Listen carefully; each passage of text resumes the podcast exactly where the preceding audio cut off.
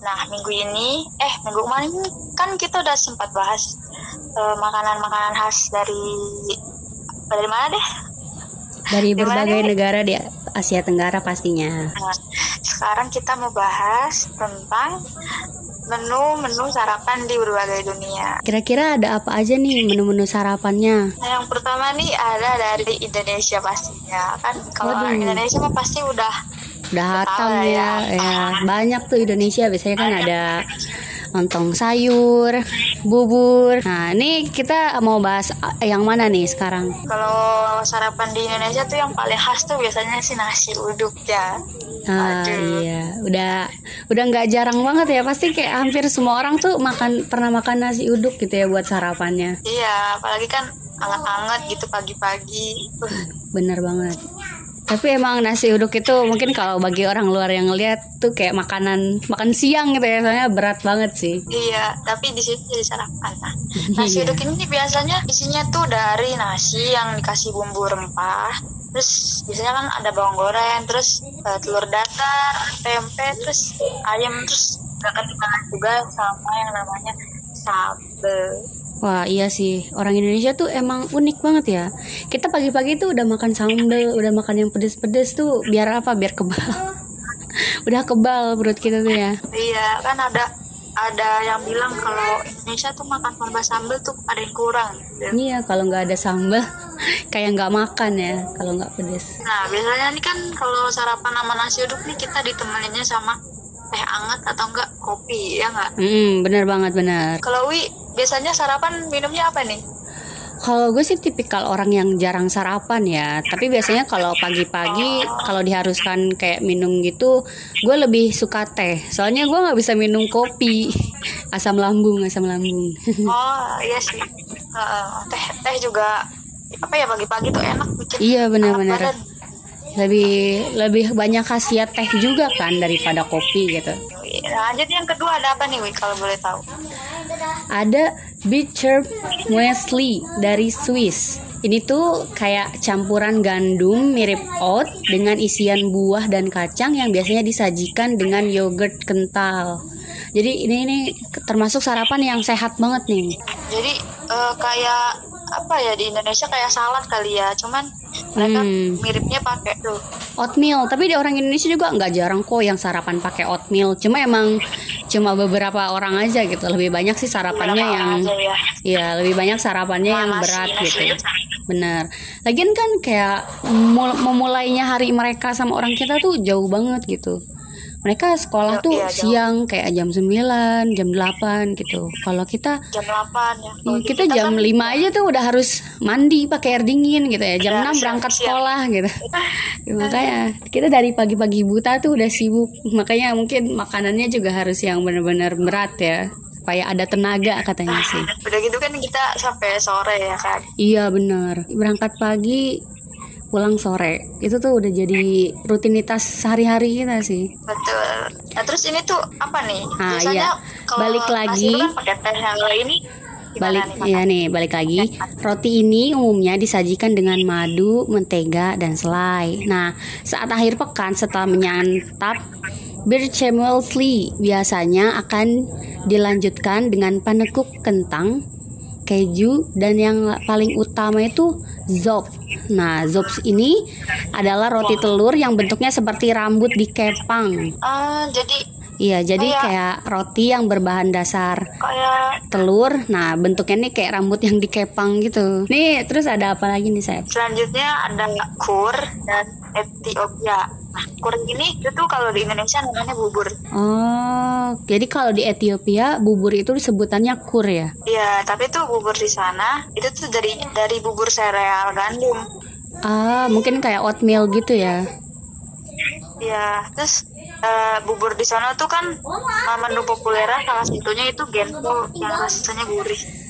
Nah, genpo ini dibuat dengan mencampurkan tepung gandum dan air mendidih sampai menjadi adonan lengket, terus Hmm. dibentuk menebal dan di bagian tengahnya dibuat cepukan yang yang nanti ini buat diisi juga sama dikubur ber-ber. Oh ya, terus apa maks eh, lebih rincinya lagi apa nih? Atau mungkin cara pembuatannya gitu. Kalau Genfo kan tadi kayak yang udah gue sebutin kan. Nah, Mm. di di akhir kalimat ucapan gue kan ada bere-bere nih. Hmm, nih sendiri apa nih? Itu merupakan campuran beragam rempah-rempah nih. Jadi di pinggiran jalan Genfo gitu sering dibeli do sering diberi eh di pinggiran jalan. Jadi di pinggiran roti Genfonya itu sendiri. Pinggir jalan ngapain? Di pinggiran si Geftonya ini. Iya di pinggiran si roti tadi. Hmm, sering diberi apa? Dolop yogurt. Dolop yogurt. Oh. Sekarang- Iya. kali ya. Lebih bervariatif gitu ya. Nah, sekarang kita move on ke Jepang. Nah, orang Jepang ini biasanya sarapannya itu umumnya adalah piring-piring kecil yang berisi makanan tradisional Jepang.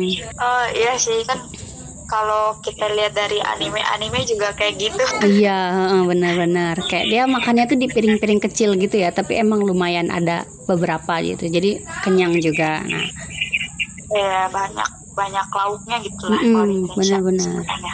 Nah, beberapa menu yang disajiin ini biasanya menu masakan ikan kayak salmon atau ma- mackerel. Terus juga ada sup miso, acar sayuran sama nasi. Kayaknya sup miso ini salah satu sup yang jadi langganan masyarakat Jepang ya. Di Jepang iya. Sering Kayak banget. ya? Mm-mm. Kayak kalau ke Jepang kita harus cobain gak sih? Iya Kayaknya kalau di. Indonesia doang rasanya beda. Rasanya nggak otentik ya. Mungkin kita emang harus benar-benar ke Jepang langsung biar dapet rasa yang benar-benar otentik. Terus selain yang tadi itu ada apa lagi ya? Nah, selain itu Yang juga disajikan tamai tamagoyaki yaitu telur dadar gurung yang agak manis terbuat dari lapisan telur dalam wajan persegi panjang. Lu pernah lihat gak sih Ah, jadi kayak orang ma- orang masak telur yang digulung-gulung di wajannya yang kotak gitu? Iya, ya pernah lihat kok. Jadi Nah, kayak di Jepang nih di Jepang nih sama kayak Korea kali ya. Kalau di Korea kan mereka sebutannya untuk piring-piring kecil itu namanya bancan kan. mm-mm. Iya benar-benar benar. Ada- Emang mungkin kan ada karena mereka juga deket ya negaranya, jadi kebiasaannya pun nggak nggak terlalu jauh gitu. Nah terus ada Terus- apa lagi nih? Nah, selanjutnya nih kita ke Maroko. Di sana tuh ada tehmin dan bahrir. Aduh, Bahrir nih apa nih sebutnya. Bahrir? Ya agak, agak susah ya. Tapi justru karena konten ini kita belajar banyak istilah-istilah dan sebutan gitu. Iya sih. Ya ini menariknya Jadi channel kita. Makanya jangan lupa didengerin ya teman-teman. Balik lagi nih, Bahrir ini apa? Jadi bahrir ini tuh roti bundar tipis beragi yang punya banyak lubang kecil. Atau kalau di luar negeri atau di Indonesia sering disebutnya tuh pancake pancake. Tapi kalau orang sana lebih khasnya dengan sebutan pancake seribu lubang. Ah, karena banyak lubangnya ya, jadinya pancake seribu lubang. Mungkin kalau di sini kayak lawang sewu gitu ya. Rumah dengan banyak pintu. Nah, ini pancake dengan seribu lubang. Jadi bahrir ini adalah roti semolia yang ringan dan di atasnya tuh diberi mentega sama madu. Hmm, enak nih pasti. Terus ada Terus apa lagi sarapannya nih? tuh selain selain ada bahrir sama tehmin ini, mereka juga ada satu lagi namanya tuh harca. Harca tuh apa? Masih sama roti? Dia tuh kayak biskuit yang tebal, terus kerak yang yang renyah dari rempah semolia yang kalau dimakannya tuh pakainya keju atau enggak mentega, mentega selai atau enggak madu. Hmm, jadi lumayan termasuk yang simple ya. Lebih ke cemilan kalau Iya. kata kita mereka di sarapannya ya. Tapi mereka pakainya eh, ditemeninnya kan sama teh min juga, terus ada Hmm. kejunya. Oh iya ada juga sih. juga sehat sih. Sehat banget ya. Itu ya kalau orang-orang kita paling kan, kenapa kenapa? ya kalau orang-orang kita tuh paling makanan kayak gitu tuh cuma cemilan gitu kan. Iya cemilan malam-malam. Iya. cemilan Nah, jadi cemilan malam ya kalau kita. Tadi lu kenapa nih? itu apalagi kan di sana kalau itu kan rotinya kebanyakan dari rempah-rempah gitu jadi sehat lah ya Mm-mm. Sehat banget. terus nih kan tadi di Maroko ada Bahrir sama Harca selanjutnya kita pindah ke Hmm. negara dekat Indonesia Wah, banyak nih negara Indonesia. Ada eh, Brunei, Malaysia, Australia, Singapura. Yang mana nih? kita kita mau bahas sarapan di Australia Ah, Australia. Ada apa nih kira-kira di Australia? Jadi di Australia itu menu sarapan yang biasanya tersedia eh, ada roti panggang gurih sama reki. Nah, sarapan di Australia Australia ini umumnya tuh kayak paduan eh, antara produk segar kayak biji-bijian sama kombinasi bergizi kayak roti panggang, alpukat, terus dikasih telur rebus dan ada sayuran atau puding beras dengan yogurt terus sama buah beri. Jadi itu kayak apa ya kayak Kayak sehat banget ya kayak makanannya. sandwich. Ah, uh, uh. Dalam sandwich. Iya benar-benar. Tapi yang versi komplitnya soalnya kan mereka ada biji-bijiannya juga, ada buah berinya. Hmm, benar-benar ditemenin yogurt juga. Kayak ini nih makanan definisi 4 sehat 5 sempurna kayaknya ya. Aduh, buat diet bisa ini. Iya, iya boleh.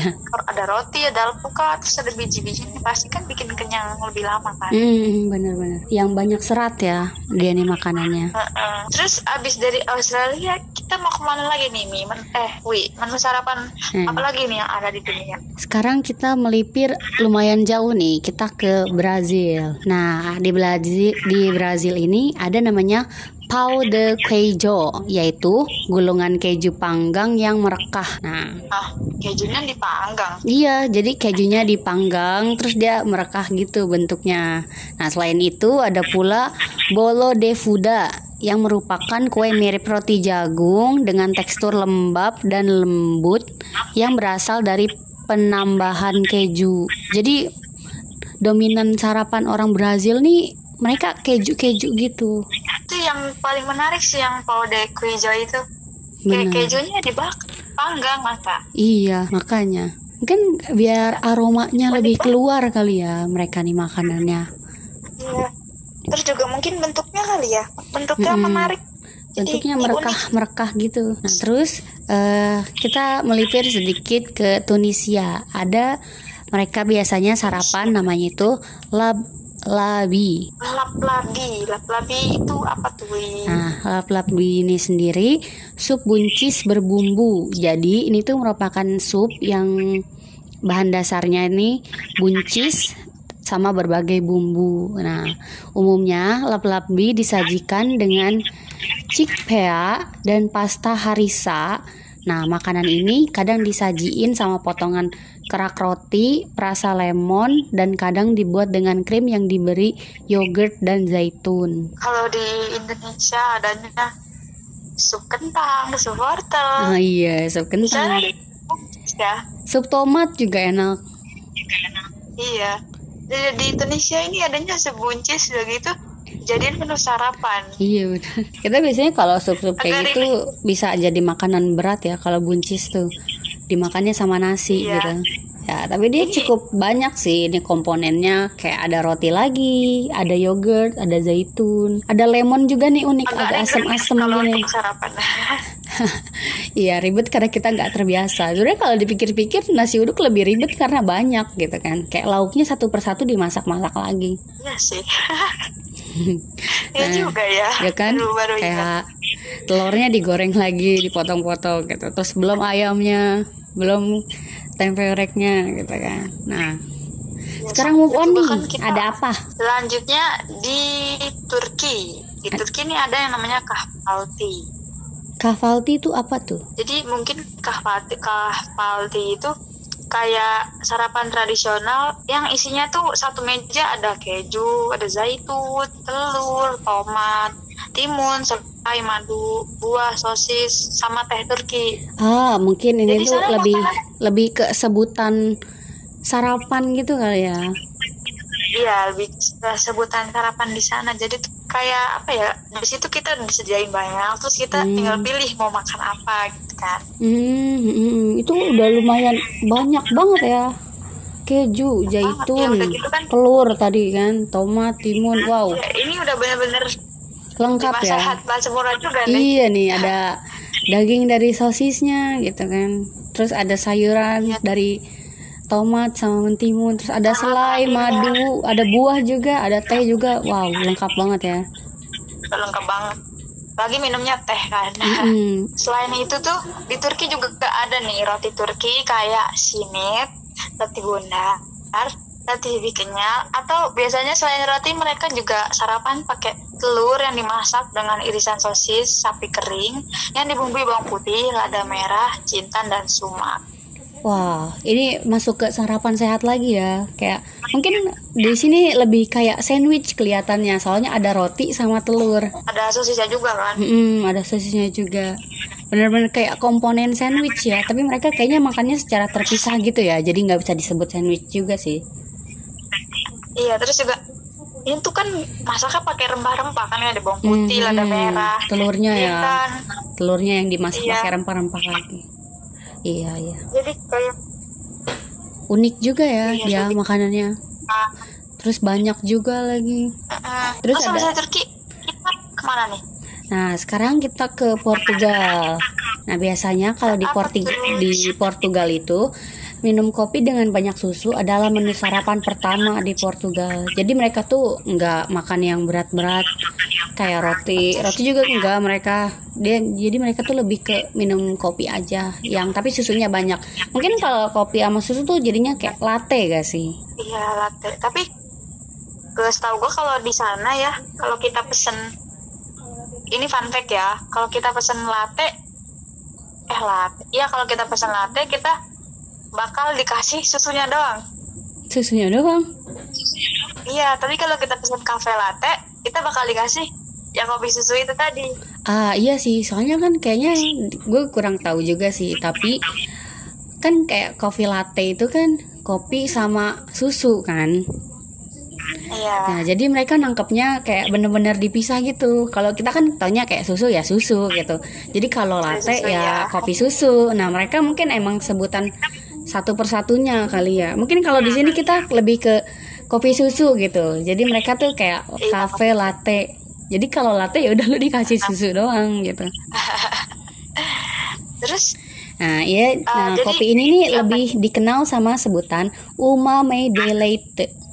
Merupakan perpaduan kopi dan susu yang formulasinya dibagi setengah-setengah. Nah, ada juga nih namanya um galau atau campuran susu yang lebih banyak dengan segelas kopi. Galau-galau. Galau-galau ya namanya, padahal susunya lebih banyak. Jadi dia nih kayak komposisi susunya beda, namanya juga beda. Kalau Wi untuk sarapan, kalau yang di Portugal lebih prefer ke mana nih? Ah, Portugal, wah, kayaknya mending susu aja kayaknya nih ya, daripada minum kopi langsung ambruk gitu, nggak jadi memulai hari kalau gitu. Indonesia disuruh sarapan pakai kopi. Iya, tapi banyak kok orang Indonesia. Iya, tapi banyak kok orang Indonesia juga yang sarapan pakai kopi. Termasuk eh ibu ibu Dwi nih. Dia Sarapan tuh- kopi. Hmm, dia tuh kayak kalau pagi tuh harus minum kopi. Kadang nggak nggak nggak makan lagi. Tapi ya udah minum kopi aja gitu. Langsung berangkat kerja. Nah terus kita ada apa lagi nih, Sep? Di Selandia nih, mereka sarapannya tuh pakai minyak hati ikan kod. Hah? Maksudnya gimana nih? Jadi Mereka sarapannya minyak Jadi gitu. mereka jadi mereka tuh sarapannya udah pakai sumber asam lemak yang mengandung omega 3. Wah, Aduh, wah. Dulu dulu sih gue pernah sih makan kayak eh, minyak ikan kot gitu. Waktu kecil emang karena disuruh gitu katanya emang bagus sih. Tapi mereka nih buat sarapan ya. buat sarapan. Dan selain itu ada apa lagi nih? Masa iya mereka cuma minyak ikan kot doang kan nggak mungkin. Ya enggak lah, masa masa makannya minyak Iya. ikan doang. So, Makanya. Nah, selain yang minyak ikan tadi tuh eh, di Islandia juga ini biasanya makan semangkuk havregrautur atau oatmeal kental yang ditambahkan kacang, kismis sama gula. Ah, berarti lebih ke oatmeal ya kalau di sini.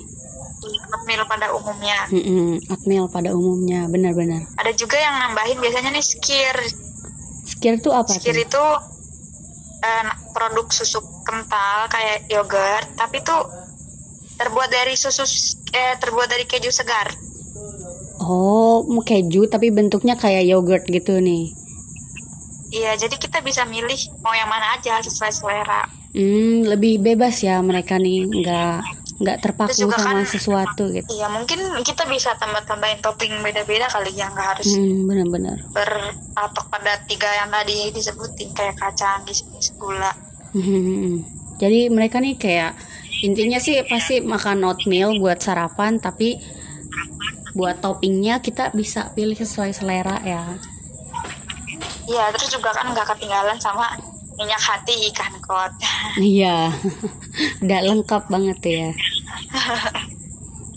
kayak udah khas banget di sana tuh.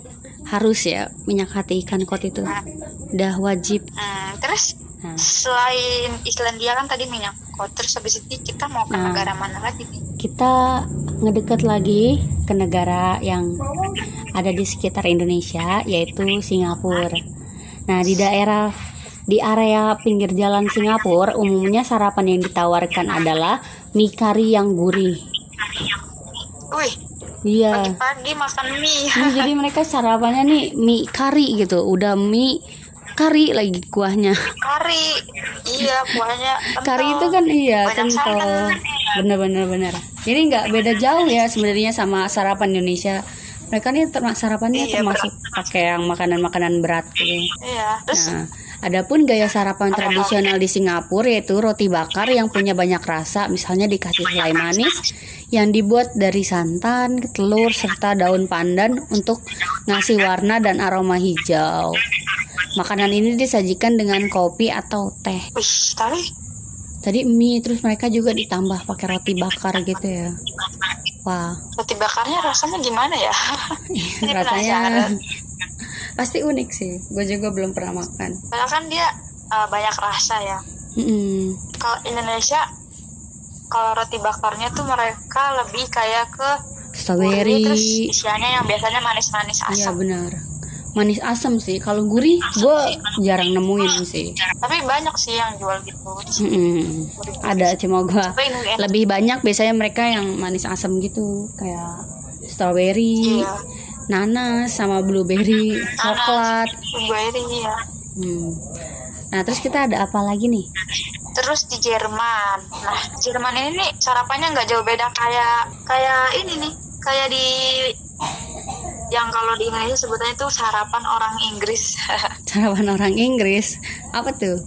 Jadi sarapan tradisional di Jerman ini tuh utamanya bahan utamanya tuh terdiri dari sosis sama daging. Jadi lebih Hmm. berat dari mie kari dan nasi uduk.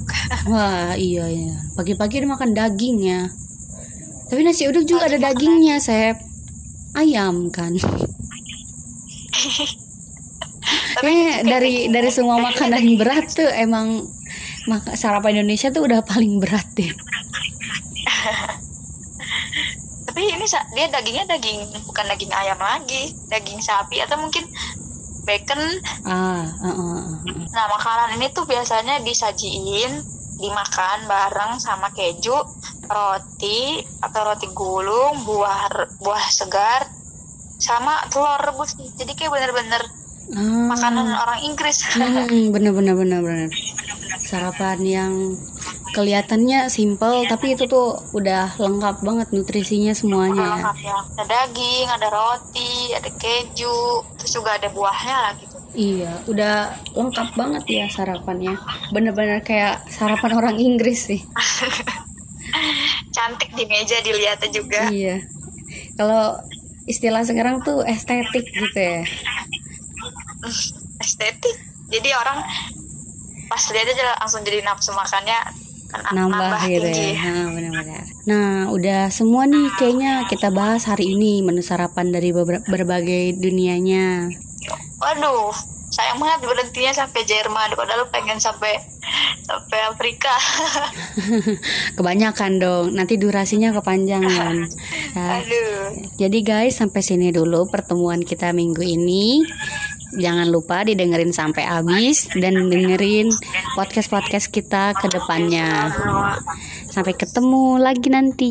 Dadah. Dadah. Bye. Bye.